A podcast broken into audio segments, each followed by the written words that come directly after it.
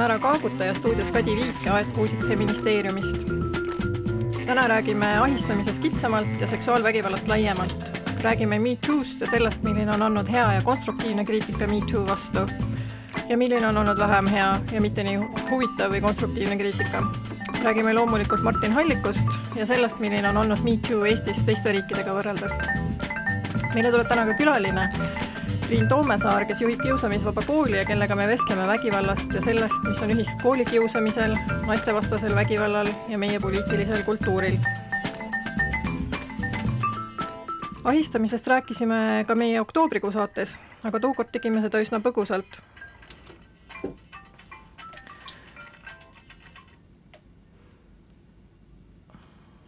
nagu näha, siis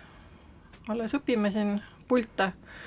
igatahes tookord rääkisime sellest üsna põgusalt ja keskendusime peamiselt sellele, et miks nad siis seda kohe ei rääkinud.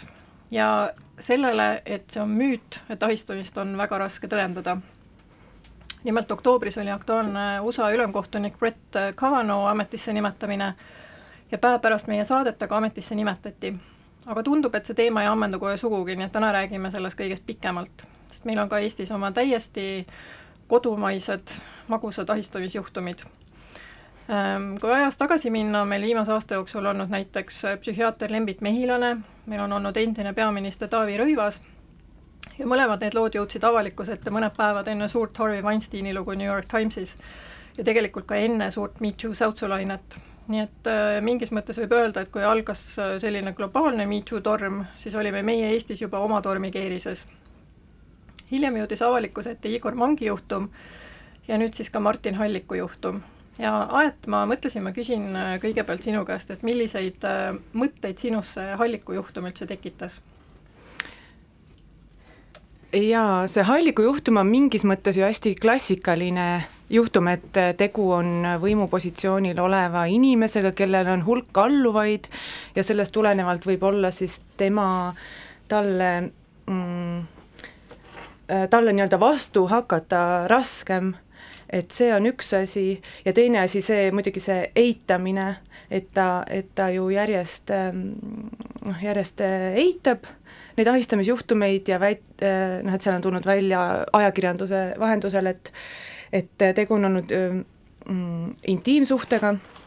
konsensusliku intiimsuhtega, et seal ei saa mingit ahistamist olla ja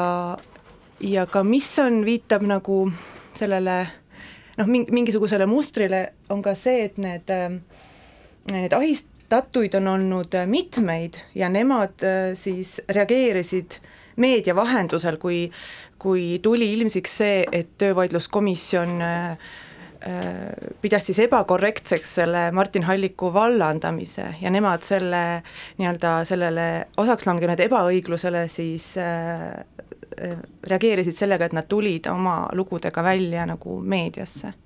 et mingis mõttes on see selline, me oleme näinud selliseid juhtumeid. jaa, see minu meelest ka peegeldab kuidagi seda ülemaailmset ähm, Me Too sellist ähm, nagu loogikat, et need, kes välja tulevad, ongi need, kes ei ole saanud õiglust mm, -hmm. kas siis justiitssüsteemi kaudu või, ähm, või äh, kuidagi muidu, et ähm, et nad tulevadki, et see oma nagu looga välja tulemine on, on see viimane võimalus neil tegelikult, et keegi neid üldse kuulaks ja kuulaks, mis juhtus. Et seda ju, Postimees oli vist see, kes avaldas nende Halliku ohvrite sellise pikema ülevaate, et, et sealt tuli ka välja just see, et nad olid niivõrd häiritud sellest äh, töövaidluskomisjoni otsusest, sest noh, Hallik sai ka ütleme, et üle mõistuse suure hüvitise. ma ei teadnud, et nii suuri hüvitisi üldse määratakse ei määratudki enne Hallikut, ma saan aru, et see on esimene nagu Eesti ajaloos. Ähm, ta sai sada kaheksateist tuhat Postimehe andmetel sada kaheksateist tuhat eurot, siis äh, see on tõesti nagu valuraha. jah mm -hmm., väga, väga, väga aga nüüd suur. Äh, selle on, on, nüüd on see ots- või see mm, ahistamine on ju kaevatud, selle kohta on tehtud äh, ametlik äh, mm, kaebus kaebus politseisse, just, et selle üle on mul hea meel, et sellega minnakse edasi. jaa, mul on ka, ja ma loodan, ma loodan, et et äh, politsei ja, ja kohus nagu hakkab siis äh, vaagima just seda ahistamise poolt ka, et, et vallandamine vallandamiseks, aga ma tahaks nagu noh, teada, mis seal siis juhtus. just, aga noh, see va-, vallandamine ja noh, see, see Tartu Ülikooli juhtum näitab ka seda, et just sel, nendes juriidilistes toimingutes peab olema nagu õudselt täpne selliste case'ide puhul, sellepärast et kohe nagu sotsiaalmeedias, kui tuli see otsus, et, et ähm, et töövaidluskomisjon ei pea seda vallandamist õigeks, siis justkui eh, hakati rääkima hästi palju sellest, et tegelikult seda ahistamist ei toimunud, kuigi see töövaidluskomisjoni asi ei ole ju seda selles mõttes uurida, eh, vaid tegeleda just selle juriidilise poolega, nii et selliste case'ide puhul peab olema nagu dokumendid korras. aga hästi palju nagu sellist äh, kõrvalinfot on välja tulnud, millised on alluvate ja selle halliku suhted, millised on nende laste omavahelised suhted, sest et seal on mingi varasem tüli, kus ähm, nende üheealised äh, lapsed äh,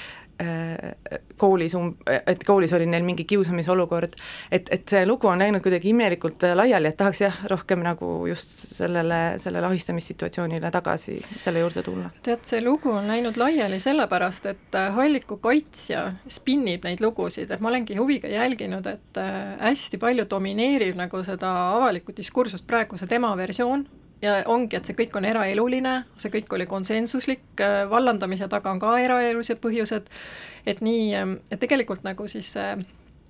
ütleme, ahistamine ja need situatsioonid, mis toimusid töökeskkonnas ja mida tunnistasid või, või noh, mille ohvrid olid siis töötajad, et äh, kaitsja see taktika või see meediataktika on see, et see kõik oli eraeluline värk tegelikult, et ta nagu üritab seda lahti haakida sellest, et äh,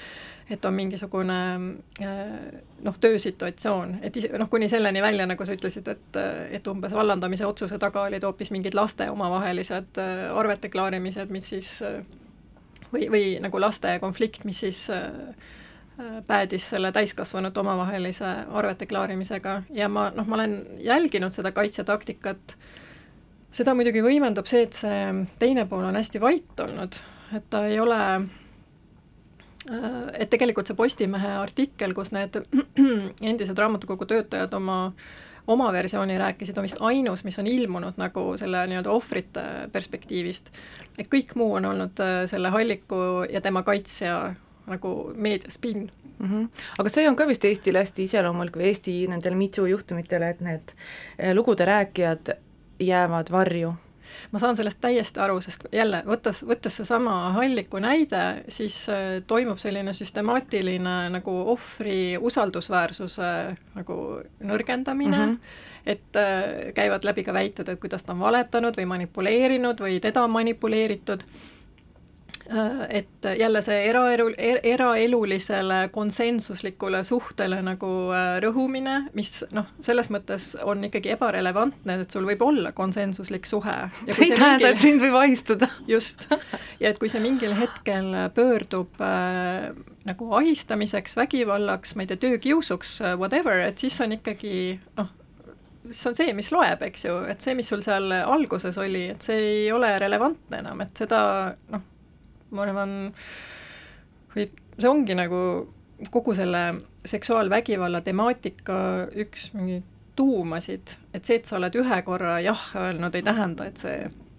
ma ei tea, altari ees, et see kehtibki siis nagu ülejäänud teie elu või suhte või, või mis iganes, et äh, alati kõik sõltub ju hetkeolukorrast. just, nõusolek on protsess, mis käib pidevalt. Inimesed mõtlevad ümber, inimesed ütlevad võib-olla, inimesed ütlevad ei, inimesed ütlevad jaa, et seda nagu kõike tuleb arvesse võtta, et äh, see konsent ei ole kunagi ühekordne. jah ja siis noh, sinna otsa veel äh,, issand, see oli tõeline The Onion, äh, kui tuli välja, see oli samal nädalal vist, et esiteks, et äh, Hallik annab koolitusi, kuidas edukalt töösuhteid lõpetada mm -hmm. ja see pilet maksab ainult kolmsada eurot, nii et me soovitame ja, ja kusjuures ta reklaamib ennast kui äh, ma lugesin seda kuulutust, et äh, ennast siis kui äh, inimest, kes on pikaajaliselt juht olnud ja väga palju töösuhteid lõpetanud nagu siis noh, et tööandja on soovinud neid nii-öelda lõpetada, aga mitte ükski pole viinud kohtuvaidluse või töövaidluskomisjoni hästi oskab võimupositsiooni ära kasutada. jah, ja siis teisena samal nädalal tuli see, et justiitsminister Urmas Reinsalu saab Valge lindi auhinna, mis on ka päris tore onion. see on päris tore onion jah, ja kuna need sündmused juhtusid järjest, Reinsalu sai naistevastase vägivalla võitleja oreooli ümber pea ja järgmisel päeval toimus Toompeal niisugune äh, kerge kakenung, siis no mul ei ole nagu, mul ei olnud pikalt olnud nii halb, kui ma, ma ei tea, interneti avasin pärast äh, nagu neid kahte järjestikust äh, juhtumit. Jah, sellest teisest me vist räägime pikemalt hiljem, kui Triin Toomesaar külla tuleb, et äh, aga, aga natuke sellest äh, Me Too'st veel rääkides, et mina kirjutasin äh, ühe pika sellise võib-olla analüütilise ülevaate sellest, kuidas ta Eestis nagu lahti rullus ja, ja võrdlesin seda natukene ka siis äh, sellega, mis mujal maailmas toimus ja see ülevaade ilmub äh, Vikerkaare aastalõpunumbris, et ma ei tea täpselt, millal ta välja tuleb, aga ta on selline üsna mahukas lugemine ja ma loodan, et me hiljem avaldame selle Feministeeriumis ka, et on võimalik meil seda lugeda. aga jah, seal, mis ähm, mida ma nagu ise vaatasin, ma vaatasin seal ka seda kronoloogiat ja see oligi huvitav, et, et tegelikult jah, Eestis need mitu suurt sellist ahistamisjuhtumit tulid välja nagu enne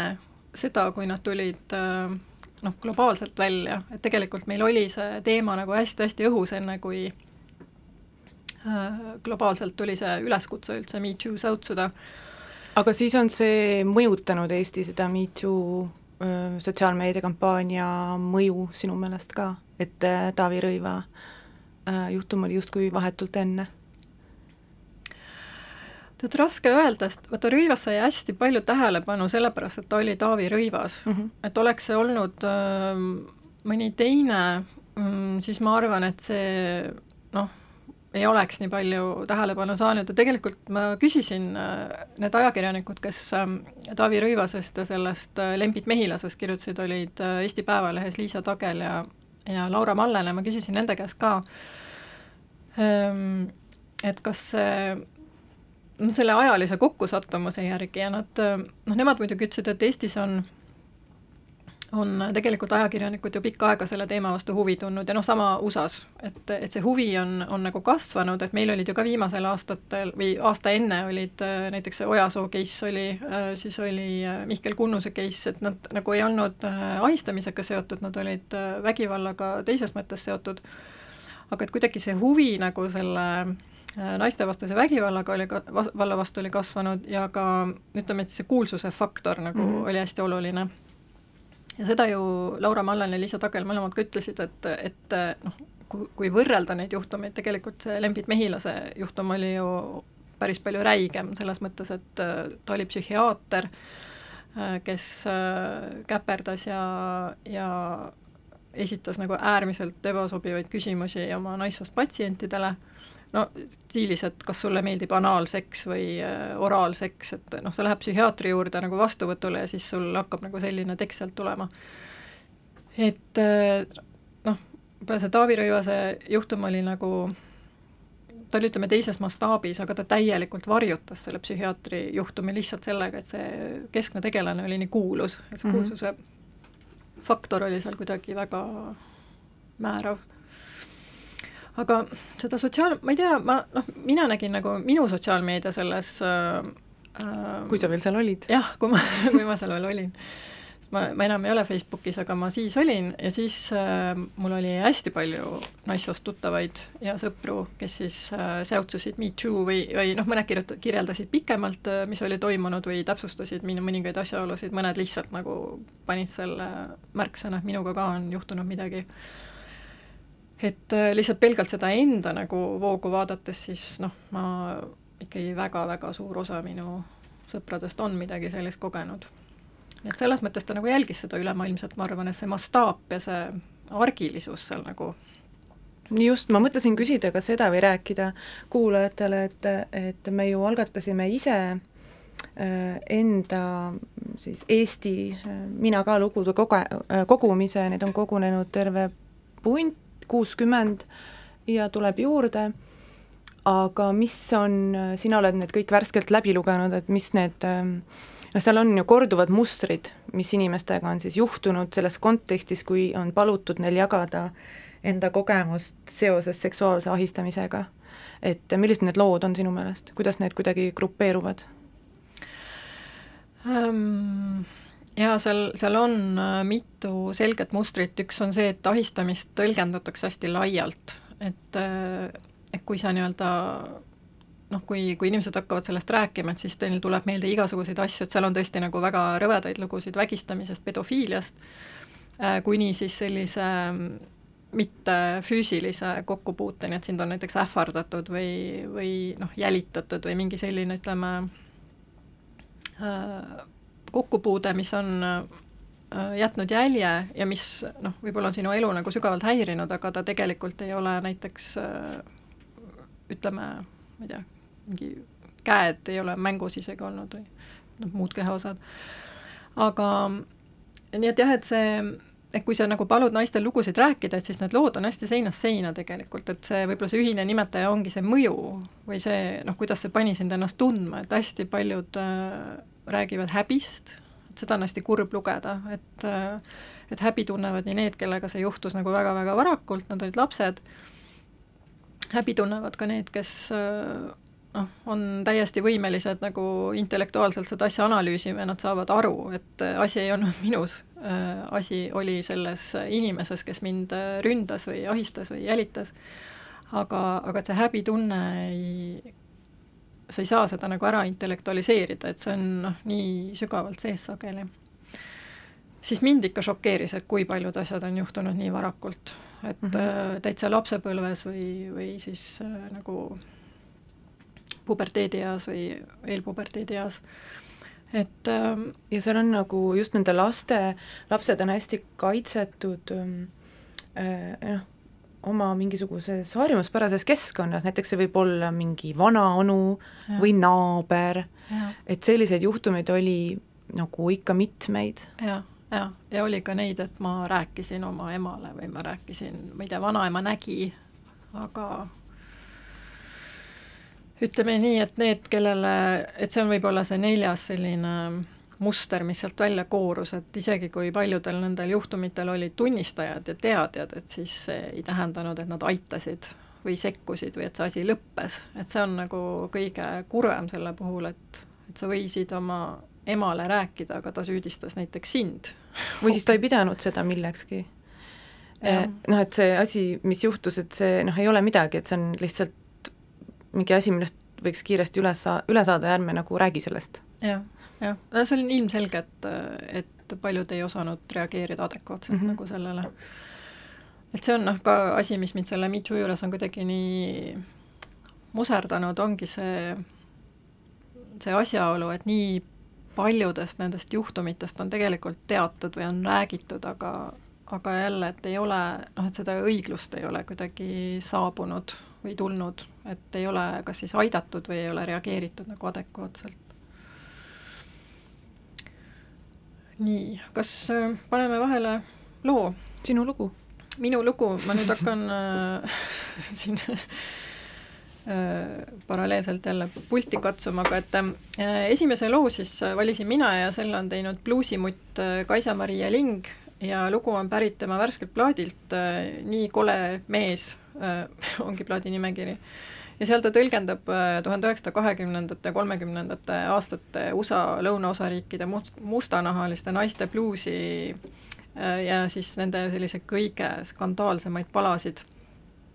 Ja lood on eesti keelde tõlkinud Aapo Ilves ja ma väga soovitan ka lugeda Kaisa intervjuud Eesti Päevalehes, mille tegi Keiu Virro,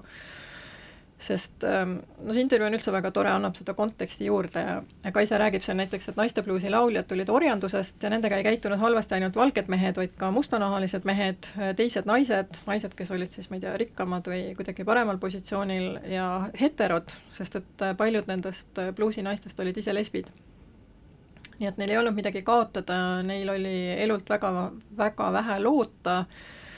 ja siis äh, nii nad läksid ja lõid oma muusikaga.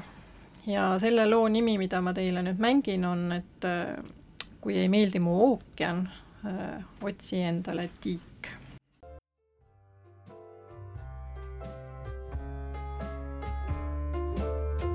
ma tean, on jälle jooming ja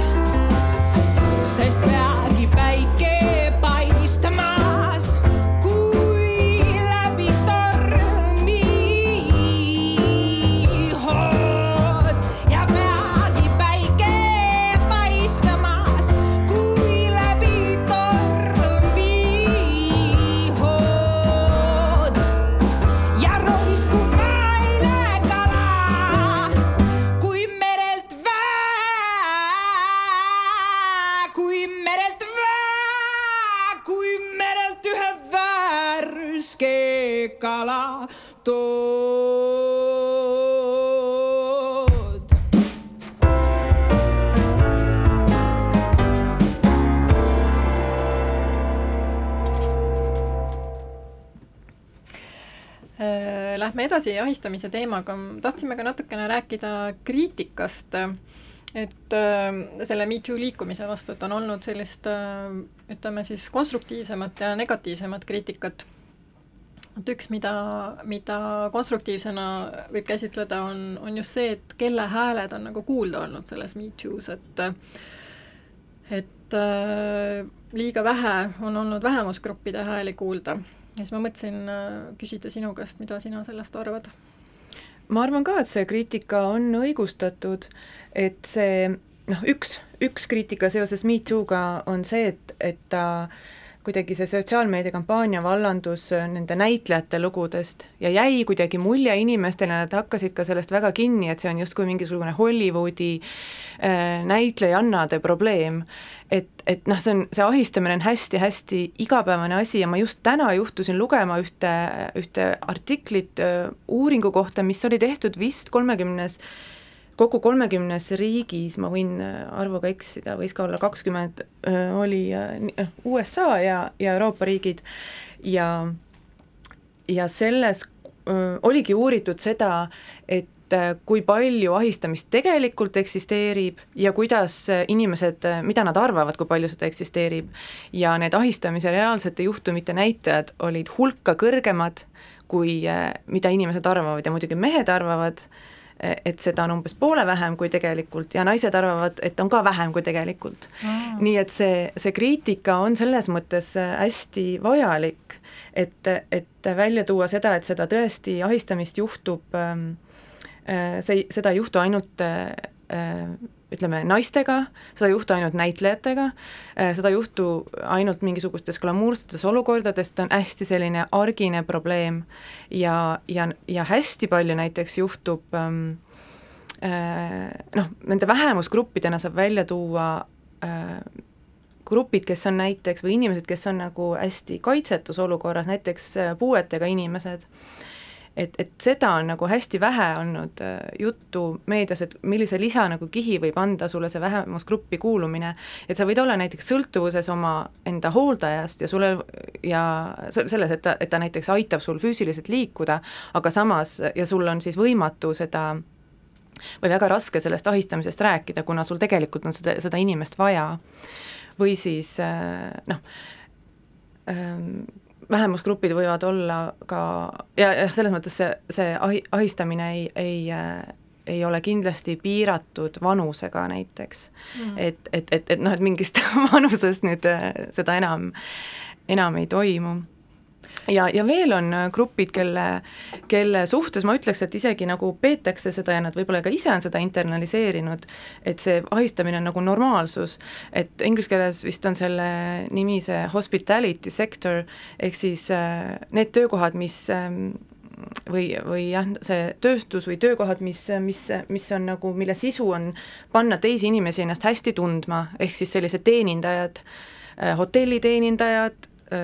restoranide teenindajad, et, et nende jaoks on see ahistamine tegelikult igapäevane nähtus, et sind katsutakse, sulle öeldakse mingisuguseid nilbusi ja, ja seda ka,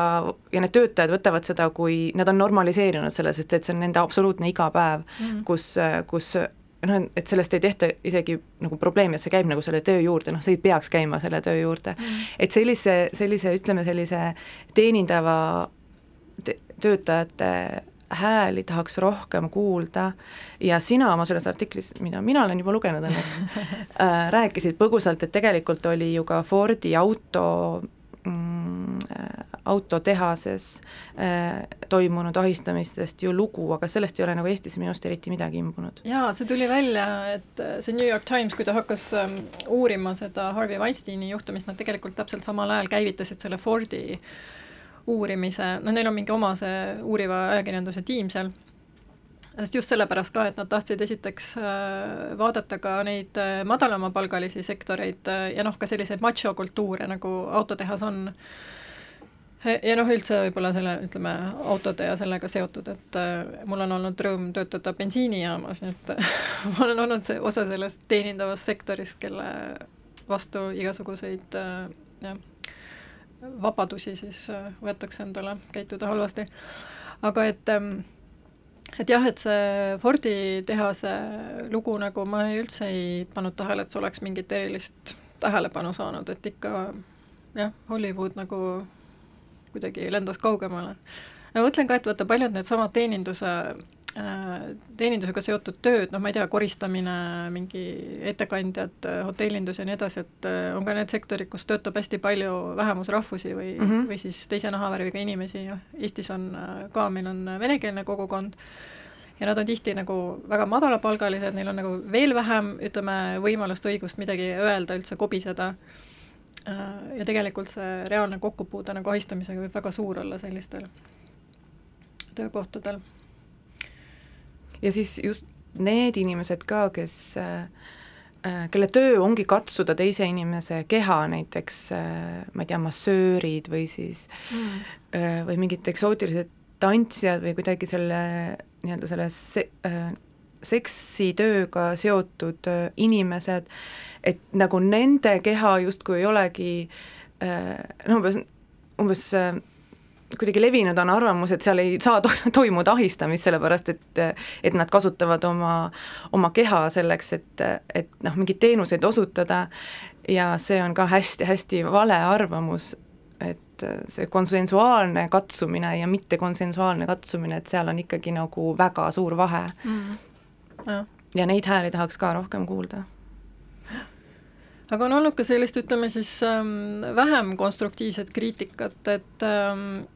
üks äh,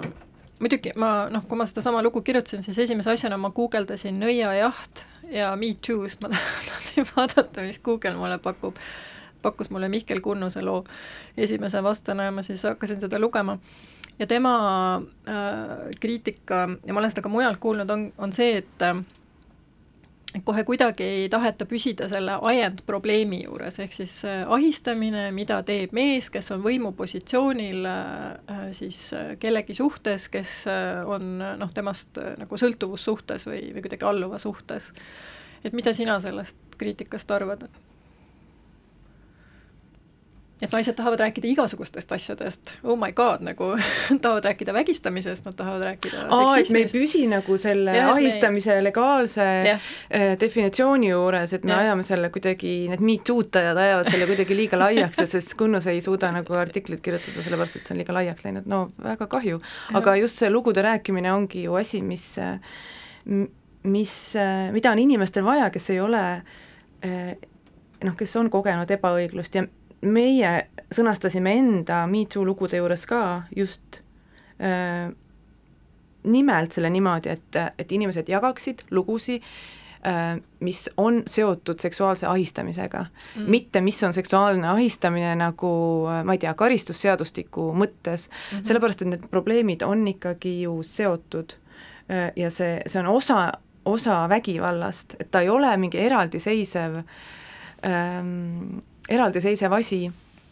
ja, ja see võimupositsioonil olev mees ja tema alluvad, et see võimusuhe, noh, see on oluline asi, aga aga ahistamine ei piirdu sellega, et keegi on võimupositsioonil, et äh, vabalt võib äh, ahistamine toimuda, ma ei tea, ühel pulgal olevate äh, tööt-, töötajate vahel või, või õpilaste vahel. õpilaste vahel või siis ma ei tea, teenindaja võib ahistada nagu klienti, mitte vastupidi, et, et see on, asja sisu on ikkagi ka muus. jaa, ja noh, siin kohal on paslik ära märkida ka see, et näiteks äh, see karistusseadustiku ahistamissäte on selles mõttes puudulik, et ta käsitleb ainult füüsilist ahistamist, et seal ei ole näiteks äh, verbaalne või, või virtuaalne, et naised kogevad ju või noh, mitte ainult naised, aga üldse, et äh, väga palju on ju ka virtuaalset vägivalda ja ahistamist ja ähvardusi sotsiaalmeedia kaudu. ja, ja et seesama verbaalne ahistamine võib olla nagu väga tõsise mõjuga, et äh, isegi kui sa siis füüsiliselt kokku ei puutu. ja teine asi on muide see, lihtsalt ajaloo, sellise ajaloolise mälu huvides, et et esimene kord, kui ahistamise definitsioon Eesti õigusruumi tuli, siis ta oligi sõnastatud niimoodi, et ainult äh, nagu ülemus sai ahistada alluvat, et sul pidi olema see selline võimusuhe sees. et see kaotati sealt ära just -hmm. nimelt sellepärast, et seda ahistamist tegelikult ikkagi toimub nagu igatpidi, igas suunas nii et äh, mina olen ka selle kriitika suhtes, äh, kehitan õlgu, et mis, äh, mis mõttes ei taha nagu ajendprobleemi juures püsida, et noh, selles mõttes, et jah, et kui sa ütleme, ma ei tea, politseisse, kohtusse pöördud, et siis on hea, kui, kui sa tead, et mis, mida seadus ütleb ja, ja noh, et sul on nagu lihtsam ka oma seda kaasust ette valmistada, aga et selleks, et ma ei tea, sa räägiksid oma loo, et iga inimene võib rääkida oma loo, miks, miks ta peaks mingeid kunnuse reegleid jälgima, ma ei saa üldse sellest aru. ja siin on nagu üks teine selline võib-olla, jah, see on tegelikult asi, mis on ju Me Too kohta ka tulnud, et, et umbes, et äh, naised tahavad rääkida ka lihtsalt halvast seksist, vaata seda me puudutasime ka minu meelest siin paar saadet tagasi mm, -hmm. et äh, äh, ja halva seksi all siis tegelikult on noh, mõeldud seda, ma ise lugesin seda äh, uuesti seda Anzisa Saari lugu, kui see ilmus mm, -hmm. kus naine kirjeldas äh, oma nii-öelda date'i äh, selle mehega ähm, ja hiljem siis teda tabaski selline kriitikalaine, et, et noh, umbes, et mida sa, sa kirjeldad siin nagu halba seksi või halbu lähenemiskatseid, aga seal olid episoodi stiilis, et, et ta pani minu käe nagu oma jalge vahele, ma võtsin selle sealt ära. ta tegi seda uuesti, ma võtsin selle sealt ära ta tegi seda kolmandat korda. nojah, seal ei ole seda, seal ei ole seda, sellega võib-olla sa ei lähe, on ju, sinna politseisse, kuigi ma, noh, ma päris kindel ei ole, võib-olla saaks minna ka, aga seal ma ei näe selles äh, nagu selles äh, kirjelduses seda konsensuaalset, selget nagu jaad, et jaa, ma tahan seda kätt sinna. kui seda ei ole siis nagu tahetud, siis, siis noh, kui sellest nagu aru ei saa, siis võib-olla olekski mõttekas nagu see flirtimine ära lõpetada seniks, kuni siis on nagu selge, mida tähendab see teise poole või noh, see vastastikus kahe poole või ma ei tea, mida iganes, mitme poole vastastikus, et see vastastikkus on nagu oluline. Ja.. jah, jah ja viis korda, kui sa nii-öelda demonstratiivselt oma käe ära võtad, siis äkki nagu võiks teine pool sellest mingid järeldused teha. aga mida sa sellest nõiajahi kriitikast arvad, et et siin Eestis ilmusid ju pealkirjad, et Tarana Burke, kes selle Me Too äh, äh, nagu esimesena üldse kasutusele võttis kaks tuhat kuus, et äh,, et ta on kuidagi pettunud selles, et äh, seda Me Too liikumisest on saanud äh, nõiajaht äh, ja siis noh, ma läksin seda originaallugu lugema ja ma täna hommikul tegelikult vaatasin ka tema TED Talki, kus ta sellest räägib, mille põhjal see Eesti uudis oli treitud ja ma ei näe kuskil, et ta seal liikumist nagu süüdistaks, et ta on, ta süüdistab meediat selles meedia nimetas seda nõiajahiks. ja ta süüdistab USA poliitikuid, näiteks äh, Trumpi või noh, seoses Kavanauga nimetamisega neid, kes teda kaitsesid, et, et nemad seda nii-öelda nõiajahiks peavad. see on Eestis ju ka seesama, see nõiajahi sõna kuidagi levinud. Äh, kui mõelda, mis asi on nõiajaht, nagu mis asi oli nõiajaht, siis ma arvan, et see see on täiesti äh, ülepaisutatud äh, kuidagi, ma ei tea, metafoori valik. ta on ka väga kuidagi irooniline, arvestades keda nõiajahid tapasid. just, just nimelt just nimelt. aga, aga mis jah, selle, see Postimees oli tõesti selle Tarana Burke'i uudise pealkirjastanud äh,, ma ei, ma ei, ma ei tea, mis nende ajend, põhjus oli, tõesti ei oska öelda, aga see mõte oli seal täiesti ümber pööratud ja noh, ma olin nagu, ma ei, ma ei saa öelda, et ma olen, olin pahviks löödud, aga ma olin jah seda äh, lugedes ja seda, samuti seda originaali lugedes, no ma olin nagu ikka väga, ma ei tea, pahane Postimehe mm. peale, et, et pealkiri oli, et, et MeToo algatajad on äh, pettunud, et sellest on saanud jah, nõiajaht, kuigi tegelikult on, on ta pettunud, et seda tõlgendatakse nõiajahina, mis ta tegelikult ei mm. ole, tegelikult on väga vajaliku halbade kogemuste ja ahistamiste jagamise nagu kampaaniaga jah, paneme siis äh, sinu loo peale, et tõmbame teema kokku. tõmbame jah, teema kokku Äh, minul ei ole äh, erilist agendat tänase looga, aga mulle väga meeldib Tirsa viimane plaat, see on täis äh, hästi häid armastuslugusid ja loo nimi on Holding on.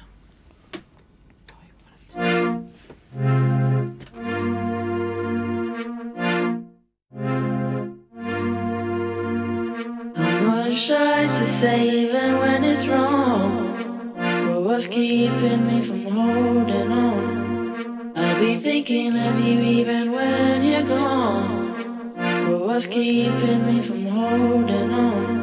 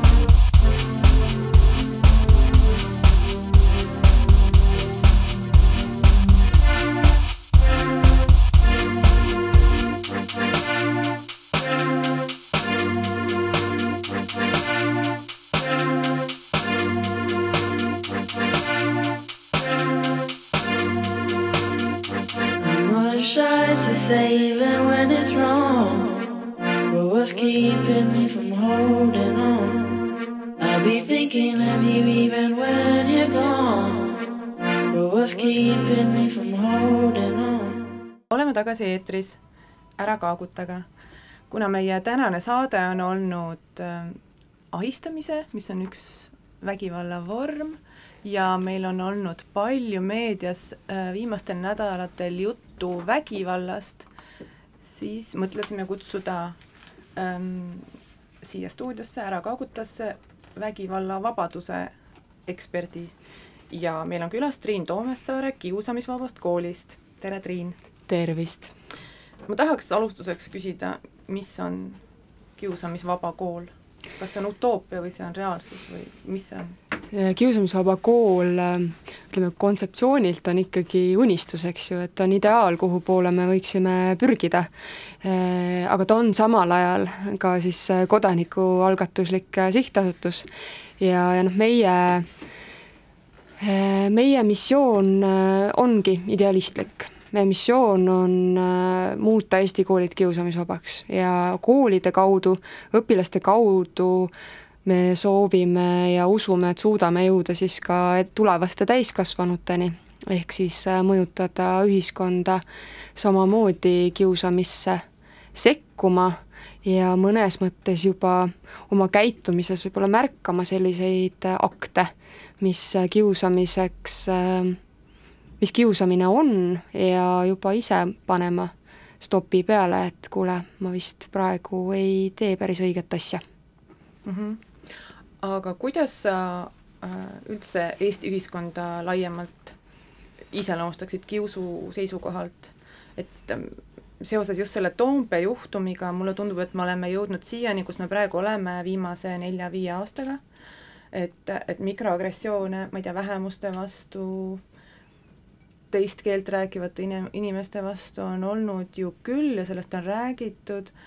aga see lavalt mahatõmbamine ja mingi äh, jalahoopide äh, jagamine oli nagu mingi level up, et äh, mis, kas eest-, eestlased on kiusajad? No kiusamine, kiusamine, kui me räägime näiteks äh, just kiusamisest, et äh, iga selline solvang või iga ähm, füüsiline rünne ei ole automaatselt kiusamine, et kiusamine on kindlasti äh, nelja tunnusega, see on tahtlik, ta on korduv, haiget tegemine inimesele, kes on ebavõrdsemas positsioonis ehk siis mingil põhjusel tal on ennast raske kaitsta. see tähendab seda, et äh, teda on kas vähem, äh, ta on näiteks ühiskonnas tõrjutum juba, äh, tal on mingisuguseid oskusi vähem, sotsiaalseid oskusi, emotsionaalseid oskusi ja nii edasi, et mingil põhjusel tal on keeruline öelda, et ära tee seda, mida sa praegu minuga teed. ja kiusamine äh, nagu ka kuritegevus mõnes mõttes on inimkonna pahe. et ta on inimlik, aga ta on midagi sellist, mida me tahame vähendada, millest me tahame lahti saada, sest me oleme aastate jooksul uuringute kaudu saanud aru, et ta on jube kahjulik. ta on kulukas ühiskonnale ja ta teeb äh, kahju väga sügavalt, väga pikaajalist kahju inimestele, kes sellega kokku puutuvad. ja me oleme jõudnud siis erinevate uuringute kaudu tõdemusele, et me ei taha seda enda ühiskonda, me tahame seda vähendada ja nüüd, nüüd me oleme jõudnud näiteks kiusamise ennetamise, aga ka kuriteo ennetuses, me oleme jõudnud sinnamaale, et meil on mingisugused tegevused, mida me saame teha selleks, et ennetada ja et vähendada siis neid nähtusi, mida me tahame ühiskonnas vähem näha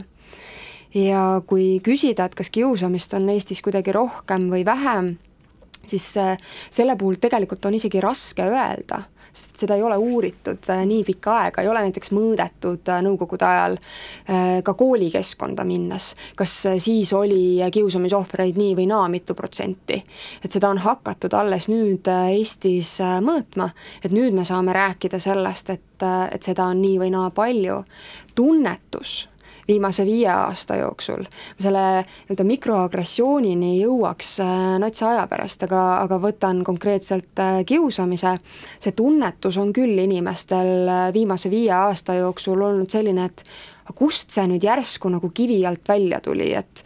varem ju ei olnud või kui mina koolis käisin, siis ei olnud või ma ei tea, õpetajatelt on ka tihti seda tagasisidet, aga meil ei ole klassis seda või ma ei näe seda.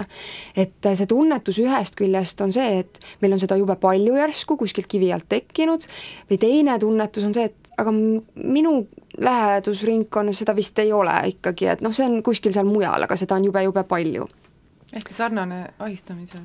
ja. lugudega, et see nüüd on viimasel ajal hakatud kõvasti ahistama. aga miks see tunnetus on tulnud, on see, et me oleme hakanud sellest rääkima.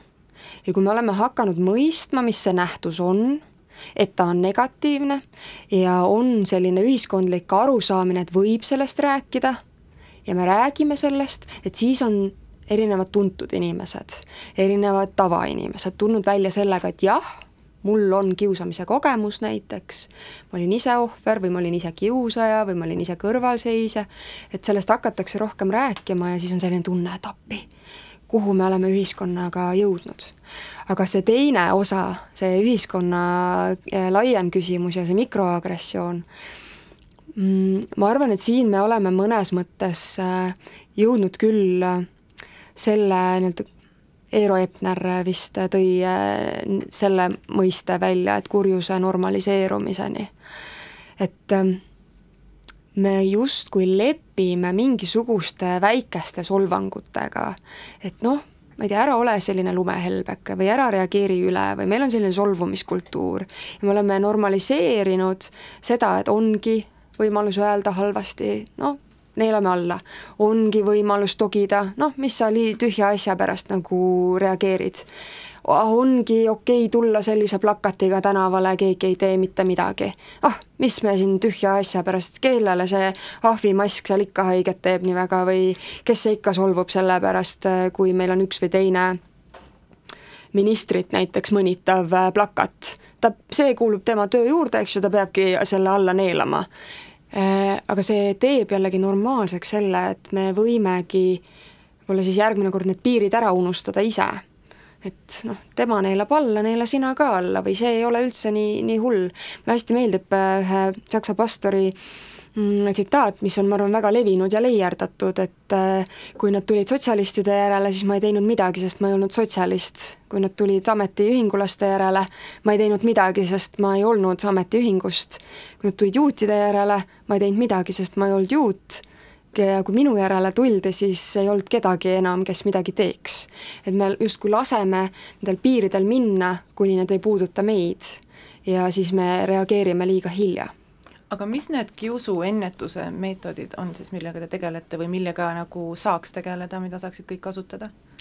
no uuringud äh, näitavad seda, et äh, hästi oluline on grupp, mida teevad inimesed äh, nende tegude ümber kuidas nad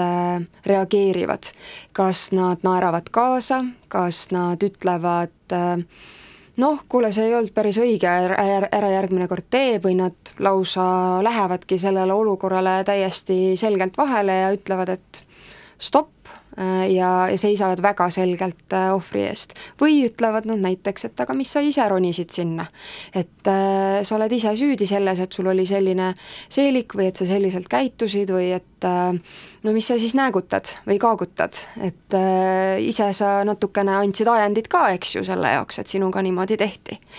et hästi palju sõltub sellest, mida grupp ümber teeb ja, ja ennetus käibki selle kaudu, et me lepime kokku, et kui sa näed midagi sellist ja sa saad aru, et see on halb, et siis sa tee, siis sa astud vahele. ja, ja kiusuennetus käib sel moel. Ja tegelikult ka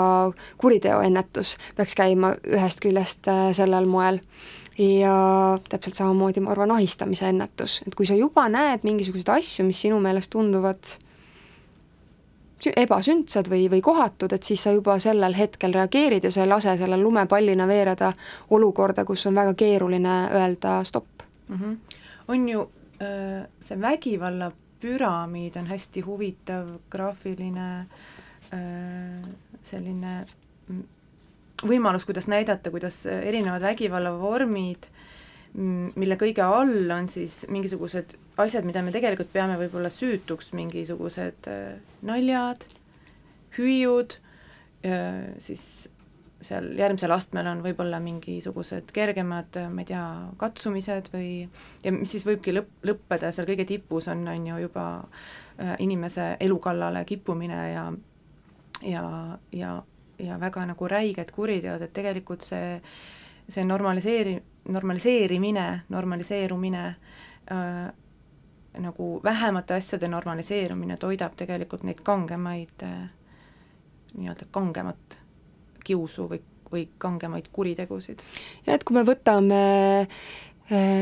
kergemalt mingisuguseid asju, kuigi nad teevad ikkagi inimesele haiget ja me aktsepteerime neid, siis äh, kuidas kiusamise suhe näiteks ka välja kujuneb spiraalina, et vaadatakse, kas keegi reageerib, kui ei reageeri, siis ahah, järelikult äh, ma võingi nii teha, proovin järgmine kord jälle sammu edasi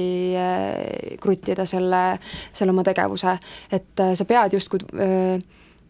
katsetama uuesti sedasama ja keerame natukene vinti peale. et see spiraal kiusamise suhtes kujuneb täpselt samamoodi, kuni ühel hetkel siis keegi ütleb stopp. ja siis äh, ongi äh, nii-öelda mitmeid variante, et kas see olukord on saanud juba liiga kaugele minna, et ohver on näiteks kannatanud aastaid, enne kui keegi ütleb, et äh, see ei ole okei okay., või siis see tegu on nii jõhker, et noh, juba nii-öelda juriidika tuleb vastu, on ju, et äh, juba pisikesed asjad, mis tegelikult ei ole aktsepteeritavad, nendes kohtades tuleb reageerida. aga kas sa oskad tuua paralleeli või kas saab tuua paralleeli kiusamise ja poliitilise suhtluskultuuri vahel? Ähm, osaliselt äh, kindlasti neid ähm, tendentse sellistest kiuslikest äh, poliitikutest või, või kiuslikust lähenemisest poliitikale on märgata, et kui me võtame muidugi üksiku selle juhtumi Toompealt, Tarand versus äh, kaklejad, et seda üksikut asja ei saaks vaadata kiusamisena -hmm. aga kui noh, tuua siia juurde, et on organisatsioone, kelle üritusi äh, on äh, tahetud äh, siis mõjutada näiteks äh, oma kohale ilmumisega või kui pean siis silmas seda, et meil on kodanikuühiskonna organisatsioone, kelle üritustele on ilmunud mittesõbralik, mitte nende suhtes sõbralikud poliitilised jõud et äh, kui need väikesed sammud ka panna sinna juurde, et siis me tegelikult näeme, et see grupp inimesi on vähemuste suhtes äh, oma sõnavõttudes, oma tegudes, oma käitumises kiuslik. Või kas on äh, ühel poliitikul õigus öelda ära kaaguta ja, ja nii kasutada veel selliseid võtteid, mis tegelikult noh, jätavad mulje isiklikust kiusamisest mm. -hmm väga tore, et sa seda tulid kiusamisest meile saatesse rääkima. meie aeg hakkab otsa lõppema äh,, aga Triin on võtnud kaasa ka viimase loo, mis lugu see on ja miks just see laul ähm,? Ma ütlen, et see on minu jaoks selline väike power laul, et äh, kui on selline tunne, et äh, ma ei tea, kõik on pekkis ja, ja nii ongi, et äh, siis see annab natukene sellist jõudu juurde, et mina ise tean, kes ma olen ja, ja kuhu minna ja ma arvan, et see võiks olla ühte naist võimestav lugu. aitäh sulle, meie tuleme uuesti kaagutama jaanuari alguses, seniks valmistuge naiste marsiks, mis toimub üheksateistkümnendal jaanuaril. Ja puhake palju